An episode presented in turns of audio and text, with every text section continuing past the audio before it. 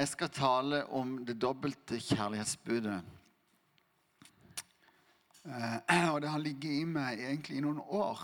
Jeg har tenkt at det må jeg tale over. Og så er det så stort og så omfattende at jeg har på en måte lurt på hvordan, hvordan på en måte eh, tar man tak i et sånt tema som dette.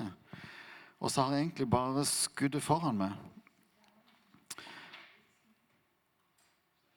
Eh, for hvordan kan jeg elske Gud med hele meg? Mm. Det som er, er bakteppet for historien her, er, er jo at fariserene, de skriftlærde, de ønsker å sette Jesus fast. Eh, de hører undervisninga hans. De, de, ser hvordan han lever, og undrene han gjør, og de undres over all den visdommen han har. Eh, og så føler de seg nok trua eh, og lurer på hva, hvor vil dette bringe hen. Og så ønsker de å sette Jesus på plass. Og så I, i Markus kom det tre historier på rad her hvor de ønsker å sette Jesus på plass. De ønsker å fange han i ord, står det der. Først så kommer det en fariseer og spør om hvem de skal betale skatt til. Noe som var betent i og med at de var okkupert av romerne. Og Så kommer det en eh, sadukeer og spør om, om hvis disse damer har vært gift med flere menn. Hvem hun da er gift med når de kommer til himmelen. Eh, som jo kanskje var et vanskelig spørsmål å svare på. Og så kommer det en skriftlærer og spør hvilket bud er det første, det største, det viktigste. Og da svarer Jesus det som står i ja, Det står for så vidt i flere evangelier, men jeg leser fra Markus 12, vers 29-31. Hør, Israel, Herren vår Gud, Herren er én. Du skal elske Herren din Gud av hele ditt hjerte og av hele din sjel, og av hele ditt sinn og av all din kraft. Det andre er dette, du skal elske de neste som deg selv. Eh, jødene kaller dette for skjema, og skjema det er egentlig det første ordet i, i denne setninga her, som betyr hør. Det hebraiske betyr 'hør'. Eh, jødene de ber dette flere ganger til dagen. Eh, gjerne både morgen, morgen, og kveld, og kanskje når de legger seg og står opp og midt på dagen. Og Det er vel kanskje det nærmeste du kommer trosbekjennelsen i den jødiske religionen. Eh, sånn at dette var kjempeviktig for Dette var kjent for jødene. Mm. Eh, det, jeg henta det meste av det fra 5. Mosebok 6 og kapittel 11, hvor, hvor, du har den første biten. Ikke den, de, neste som deg selv, men den første biten eh, med at du skal elske Herren din Gud. Altså hør Israel, Herren er Gud, Herren er én. Eh, det er henta fra Mosebøkene. Um, ja, der står det. Um, det er fascinerende med, med, Bibelen og Guds ord hvordan eh, det åpenbares for en lag på lag på et vis. En kan lese eh, noe i Bibelen, og så på en måte oppleve at Gud sier dette. Og så kan en lese det igjen seinere, og så oppleve at Gud sier Kanskje det òg, men, men, noe annet i tillegg. Og så er det på en måte mange lag i Guds ord. Eh, og For meg så har det vært egentlig i dette her, så har det vært tre lag. Tre budskap som jeg har hørt opp igjennom eh, i livet mitt. Eh, og jeg har tenkt å gå gjennom de tre budskapene som jeg på en måte har fått i dette. Og Det første er at eh, du skal elske de neste som deg selv. Jeg har egentlig ofte hørt dette som vi kaller det for det dobbelte kjærlighetsbudet, men jeg har ofte hørt det som nestekjærlighetsbudet.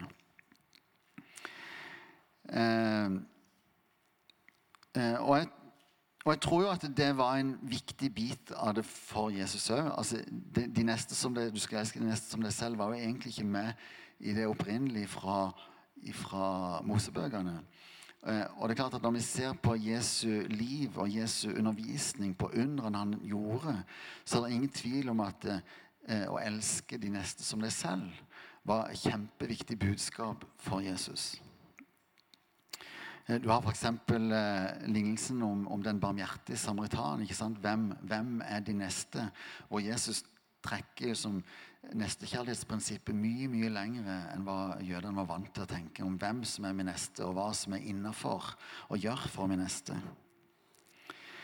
Eh, og Vi ser hvordan, hvordan Jesus identifiserer seg med de svakeste. Eh, hvor han faktisk sier, sånn som i Matteus 25, vers 40, at det dere gjorde mot en av disse mine minste, gjorde dere mot meg. Sånn at Jesus han identifiserer seg med de svake, de syke, de som trenger eh, legedom. ikke sant? Eh, sånn at, at, at, dette var viktig for Jesus, eh, det er det heller ingen tvil om. Eh, og, og, Johannes skriver jo om at eh, altså Han skriver i 1. Johannes 4, vers 12 Ingen har noen gang sett Gud, men dersom vi elsker hverandre, blir Gud i oss, og hans kjærlighet er fullendt i oss. Altså Når vi elsker våre neste, så blir Guds kjærlighet fullendt i oss. Um, jeg måtte dykke ned litt i hva, hva er egentlig fullendt. Uh, det er et ord som uh, iallfall ikke jeg bruker så veldig ofte. Og Hvis du ser i den engelske bibelen, så står der uh, 'brought to perfection'. Eller uh, 'made complete in us'. Altså Guds kjærlighet blir komplett når vi elsker våre neste igjen. Mm. Og så tenker jeg jo at nestekjærlighetsprinsippet det er på en måte litt sånn enklere å fokusere på altså det er enklere å fokusere på å elske vår neste enn på å elske Gud. Fordi at elske Gud, det, det, er litt sånn diffust. Hva, er, hva betyr det? Eh, og så kan en òg tenke at, eh, at, det kanskje er enklere. Gud er jo tross alt allmektig, har skapt meg og elsker meg. Og, og, det er jo enkelt å på en måte elske Gud, men å elske vår neste kan jo av og til være en større utfordring. Eh, Iallfall hvis det er en, en kollega vi ikke liker, eller en nabo som vi syns er litt innpåsliten, eller et eller annet. Eh, sånn at det er på en måte en større utfordring i det å elske vår neste.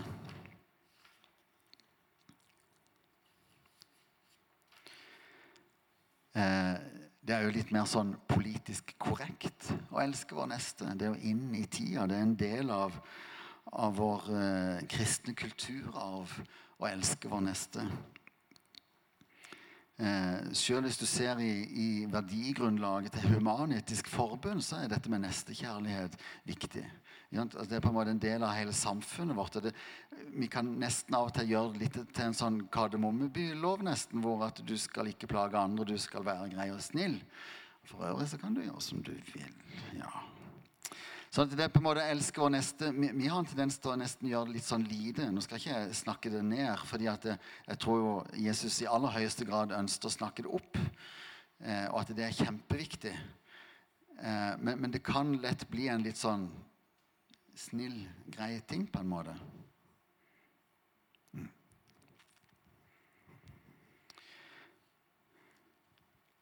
Um, så tror jeg vi går videre til eh, du skal elske Gud med hele deg.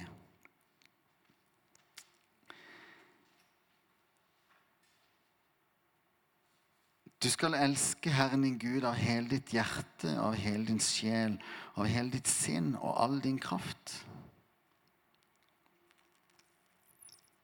Jeg husker så godt for noen år siden hvor på en måte gikk litt sånn opp for meg hvor på en måte altomfattende dette er. Eh, hvordan er det mulig å elske noen så totalt? Eh, eller er det mulig? Eh, kjærlighet er jo noe som må vokse og modnes. Det er ikke noe man bare kan bestemme seg for. Eh, og hvis vi tenker i våre menneskelige relasjoner, så er det jo én ting når du er nyforelska og, og, og, delvis blind. Og ikke, og, ikke helt, ikke, tenker på annet, på en måte. ikke sant? Så er det lett å si at å elske det med hele meg', på et vis. Men, men hvordan er det mulig på, på tunge dager, på, på, gode dager, på kjedelige dager, på travle dager? Altså, hvordan, hvordan er det mulig å elske med hele med?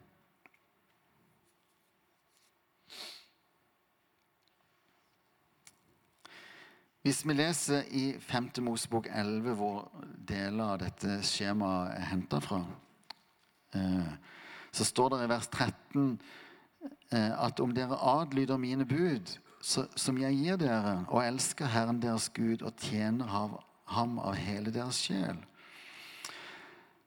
så er det en tydelig sammenheng mellom det å elske Gud og det å holde Hans bud. Og så kan vi jo tenke at det, det er jo veldig lovisk. Og så er jo dette Gamle testamentet, så, så vi er jo ikke bundet av loven. Så, så, på en måte gjelder det i dag. Vi kan jo nærmest eh, eh vi kan jo nærmest gjøre litt sånn narr av ortodokse jøder som tar dette så bokstavelig at de, de som binder det på armene og, og, skriver det i panna og de skriver det på dørstolper. eh, Vi er jo ikke under loven, vi er jo under nåden. Og det er helt riktig. Vi blir ikke frelst med gjerninger. ikke sant? Vi blir frelst med tro. Vi blir ikke rene og rettferdige og himmelen verdig fordi at vi får det til, eller fordi at vi fortjener det. Så absolutt ikke. Vi er rene og rettferdige og himmelen verdig fordi Jesus døde på korset. Vi har del i himmelriket fordi at Jesus har frelst oss. Han har tatt all vår skyld og skam. Og det er kun av Guds nåde at vi er frelst. Det er ingenting annet. Men vi er kalt til å leve hellige liv.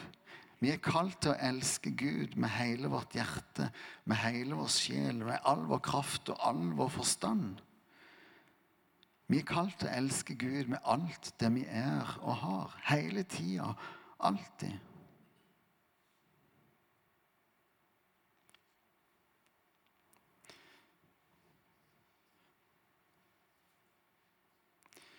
Det får ikke jeg til. Jeg kan kanskje se from ut, men eh, det får ikke jeg til. Av og til er jeg ganske langt derifra. Men hva vil det egentlig si å elske Gud?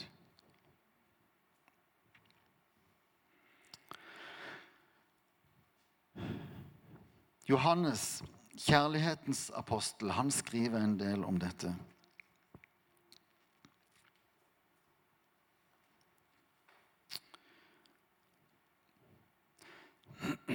I 1. Johannes 5, vers 3 så står det å elske Gud er å holde Hans bud.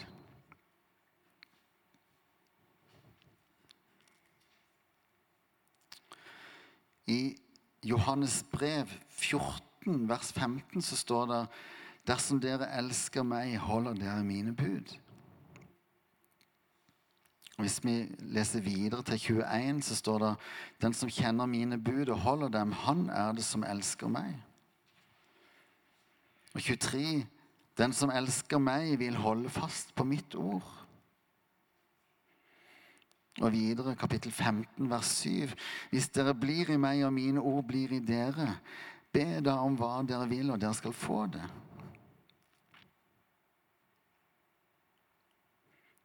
Kapittel 15, vers 10. Hvis dere holder mine bud, blir dere i min kjærlighet.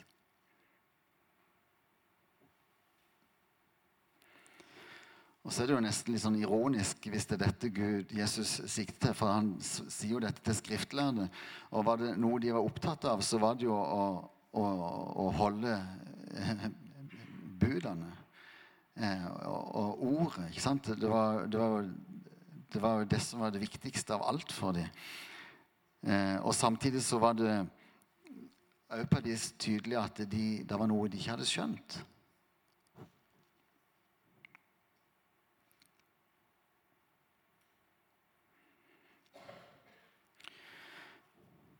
Johannes, som jo omtaler seg som disippelen Jesus elsker, han mener altså at det er en tydelig sammenheng mellom det å leve i jord, det å holde Guds bud, og det å elske Gud.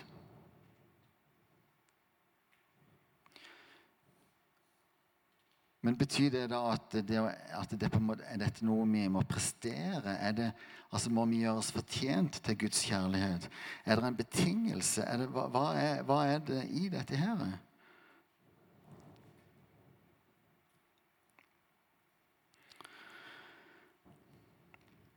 Johannes skriver òg i 1. Johannes brev 4, vers 7. Mine kjære, la oss elske hverandre, for kjærligheten er fra Gud. Og hver den som elsker, er født av Gud og kjenner Gud. Den som ikke elsker, har aldri kjent Gud, for Gud er kjærlighet. Og ved dette ble Guds kjærlighet åpenbart, åpenbart blant oss, at Gud sendte sin enbårne sønn til verden for at vi skulle leve med ham. Mine kjære, har Gud elsket oss slik, da skylder også vi å elske hverandre. Ingen har noen gang sett Gud, men dersom vi elsker hverandre, blir Gud i oss, og hans kjærlighet er fullendt i oss. Hvis vi går videre til vers 19 der Vi elsker fordi Han elsket oss først. Å bli i Guds ord er altså synonymt med å elske hverandre og elske Gud.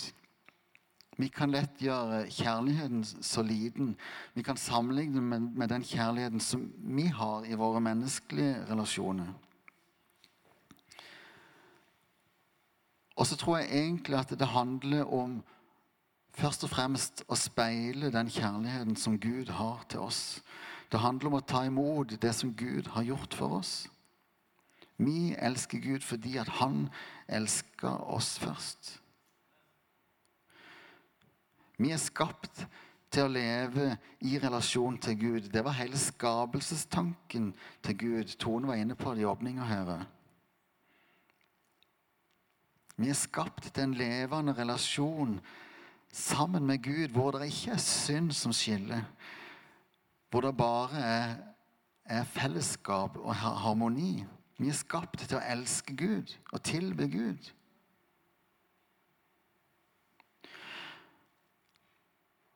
Og når vi klarer å ta imot det som Gud har gjort for oss, når vi klarer å ta imot Guds kjærlighet til oss, så kan vi elske Gud tilbake.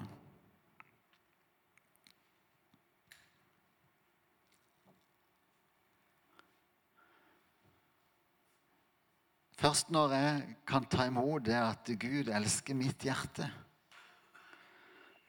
Gud har skapt mitt hjerte. Og han elsker det som han har lagt ned i mitt hjerte. Når jeg klarer å ta imot det, da kan jeg elske Gud tilbake med hele mitt hjerte. Først når jeg klarer å ta imot at Gud har skapt meg med min sjel, og med alt det som er i min sjel, med min personlighet, mine egenskaper, mine lengsler, drømmer Når jeg klarer å ta imot at Gud har skapt meg sånn som det, så kan jeg elske Han tilbake med hele min sjel. Med hele mitt sinn. Litt usikker på hva som er forskjell på sjel og sinn her. og Det er sånn vanskelig ord oppi dette. Men eh, først når Gud har, når jeg tar imot alt det som Gud har lagt ned i meg, av mine tanker og min lengsel og min glede, alt dette, så kan jeg elske Gud tilbake med min sinn. Og med all min kraft. ikke sant? Først når jeg klarer å ta imot at Gud har skapt meg med min kropp, med mine krefter, med mine lidenskaper, sånn som jeg er, så kan jeg elske Gud med all min kraft, med hele min kropp. Og òg forstanden min. ikke sant? Gud har skapt meg med min forstand. Og Først når jeg klarer å ta imot at dette er en gave, en utrustning som Gud har gitt meg, så kan jeg speile dette tilbake, og så kan jeg elske Gud med hele min forstand. Gud har skapt meg på skremmende underfullt vis. Han har skapt det på skremmende underfullt vis. Vi er skapt i hans bilde, og vi ligner han. Og vi er skapt til fellesskap og til relasjon med vår levende Gud. Gud ropte et rungende ja til det når han skapte det. Og Gud ropte et rungende ja til det når han døde på korset. Når han hang på korset og sa 'det er fullbrakt', så var det for det det var fullbrakt. Og når han sto opp igjen, så ropte han et rungende ja til det for at han vant over døden for det. Og det samme gjør han hver dag. Han roper et rungende ja til hver enkelt av oss. Og når vi klarer å ta imot det, så kan vi elske Gud tilbake.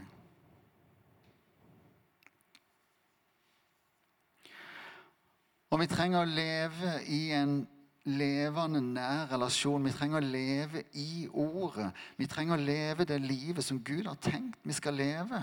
Sånn som det står i Bibelen. Vi trenger å følge Hans bud for å kunne leve i den relasjonen til Jesus. Og så klarer vi det ikke, nei. Det er derfor Jesus døde på korset. Ikke sant?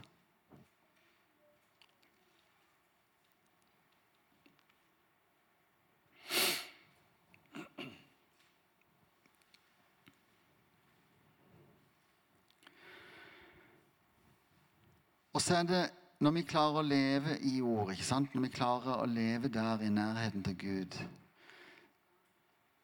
Da kan Gud rettlede oss. Da kan Han vise oss vei.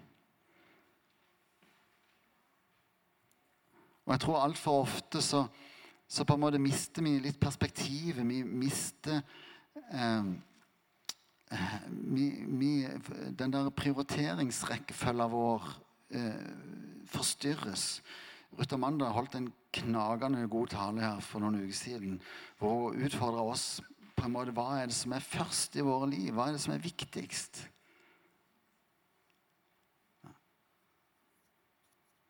Og når vi lever der i ordet,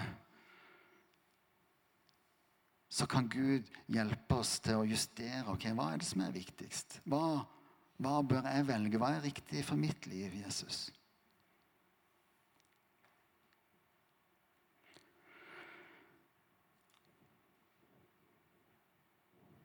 Og Når vi klarer å leve der, så er det ganske store løfter knytta til nettopp det å leve det livet som Jesus har tenkt vi skal leve. I 5. Mosebok 11, som, som skjemaet er henta fra Om dere adlyder mine bud, som jeg gir dere i dag, og elsker Herren deres Gud og tjener Ham av hele deres hjerte og hele deres sjel, vil jeg la landet få regn i rett tid, både høstregn og vårregn, så du kan høste inn korn, ny vin og fin olje. Og jeg, vil, gresse, jeg vil la gresset vokse på markene for budskapen din, og du skal få spise deg mett. Men vokt deg så ikke hjertet blir ført på avveie, så dere vender dere bort og dyrker andre guder og tilber dem. Så her er det både klare løfter og klare av, eh, advarsler som egentlig kanskje er mer aktuelle enn noen gang. Vi, vi tenker ikke på ting som avguder, men, men, det er jo det det fort blir i livene våre. De, når prioriteringsrekkefølgen vår blir feil.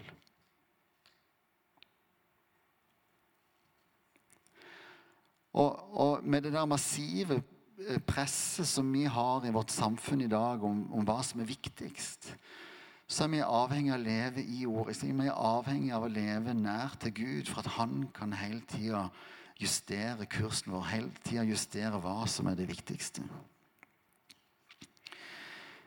Jesus sammenligner av og til med dette med at, at han er vintreet og vi er greinene. ikke sant?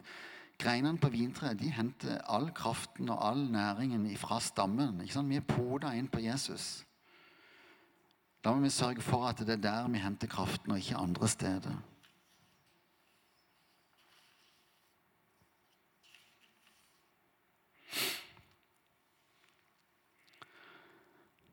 Når jeg forberedte denne talen, så dukka det opp en ny ting som jeg plutselig så i dette. her.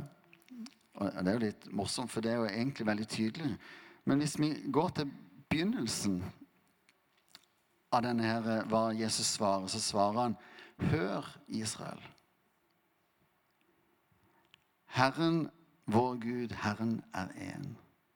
Altså, Jødene kaller det for skjema, og skjema det betyr hør. ikke sant? Hør. Og lett er det ikke å glemme å lytte.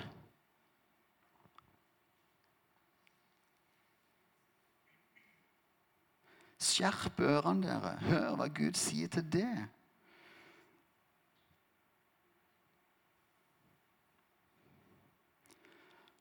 For så er det der hele greia egentlig er, når vi lever i ord. ikke sant? Vi, vi, hva, hva, er det Gud ikke sant? Gud med sin ånd, han rettleder oss. Han viser oss veien. Han viser oss hva som er, er feil i våre liv. Han viser oss hvor, vi trenger å justere kursen. Han viser oss hvor vi skal gå. Han har alt for oss. Og så er det allikevel så utrolig vanskelig å, måte, å stoppe opp nok til at vi lytter til hva Gud sier til oss. Hverdagene våre er så fulle av impulser og inntrykk og ting vi skal gjøre og skulle gjort og har gjort og Ja. ja alt. Vi bombarderes hele tida. Eh, og så glemmer vi rett og slett å lytte til hva Gud sier til oss.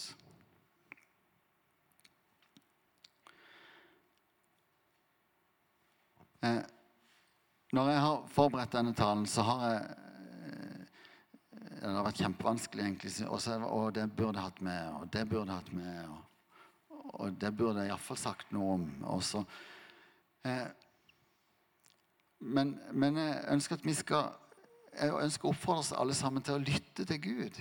For, for det er der Altså, Gud taler til det om hva og meg, om hva, hva jeg trenger å gjøre i mitt liv. Ikke, ikke bry deg om hva naboen trenger å høre, men, men hva er det Gud sier til det for noe?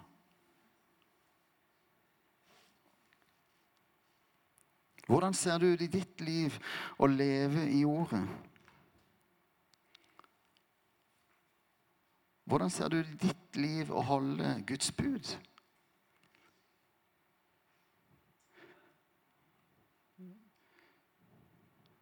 Verken stjele eller drepe eller men, men allikevel så har han en tendens til å mm, En liten sånn tvist allikevel, kanskje. Hvordan ser du det i ditt liv å sette Jesus først? Hvordan ser du det i ditt liv å leve i en nær relasjon til Gud, vår far? Den relasjonen som vi er skapt til å leve i. Det som var hele skapelsestanken.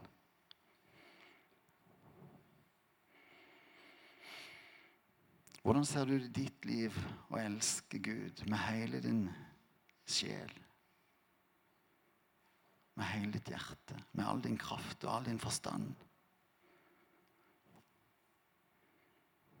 Hør avslutte med Eller jeg skal be først. Mm. Kjære Jesus, takk for at du elsker. Takk for at du har gjort alt, og takk for at vi kan ta imot. Eh, hjelp oss til å ta imot. Hjelp oss til å leve i den relasjonen som du har skapt oss til å leve i. Hjelp oss til å lytte, til å høre det som du sier.